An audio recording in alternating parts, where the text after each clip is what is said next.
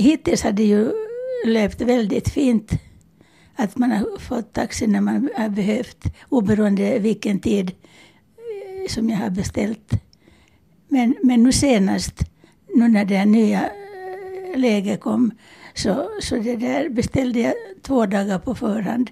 Och sen när, när jag stod och väntade så ringde de och sa att det finns ingen taxi. Och då skulle jag blivit försenad från tåget.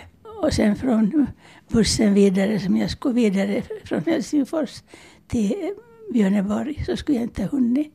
Att det, hela den dagen skulle ha blivit förstörd.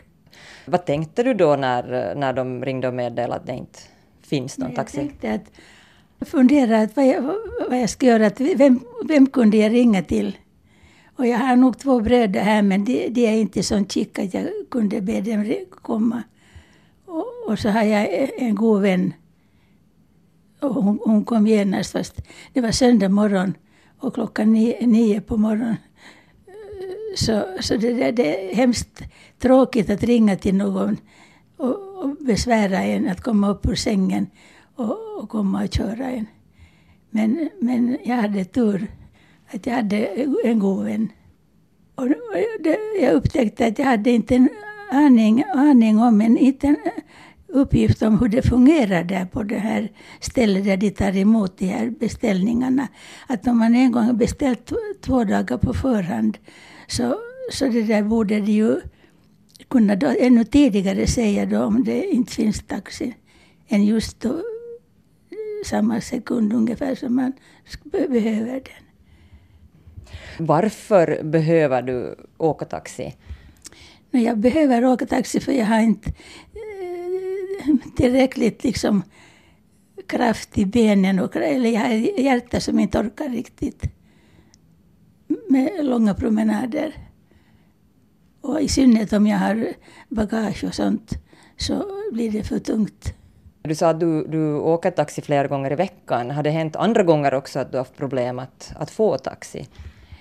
No, men nu har jag blivit så ängslig och orolig Jag, jag, jag vill inte eh, ringa dit utan jag ringer till mina bekanta och de kommer efter mig. Jag har flera stycken som, som har bil och de har kommit och, och det kört mig.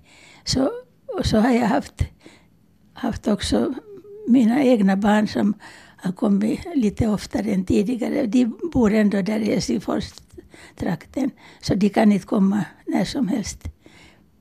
Men, men att jag har på det sättet klarat den här tiden här efter den här nya, jag kallar nya tiden.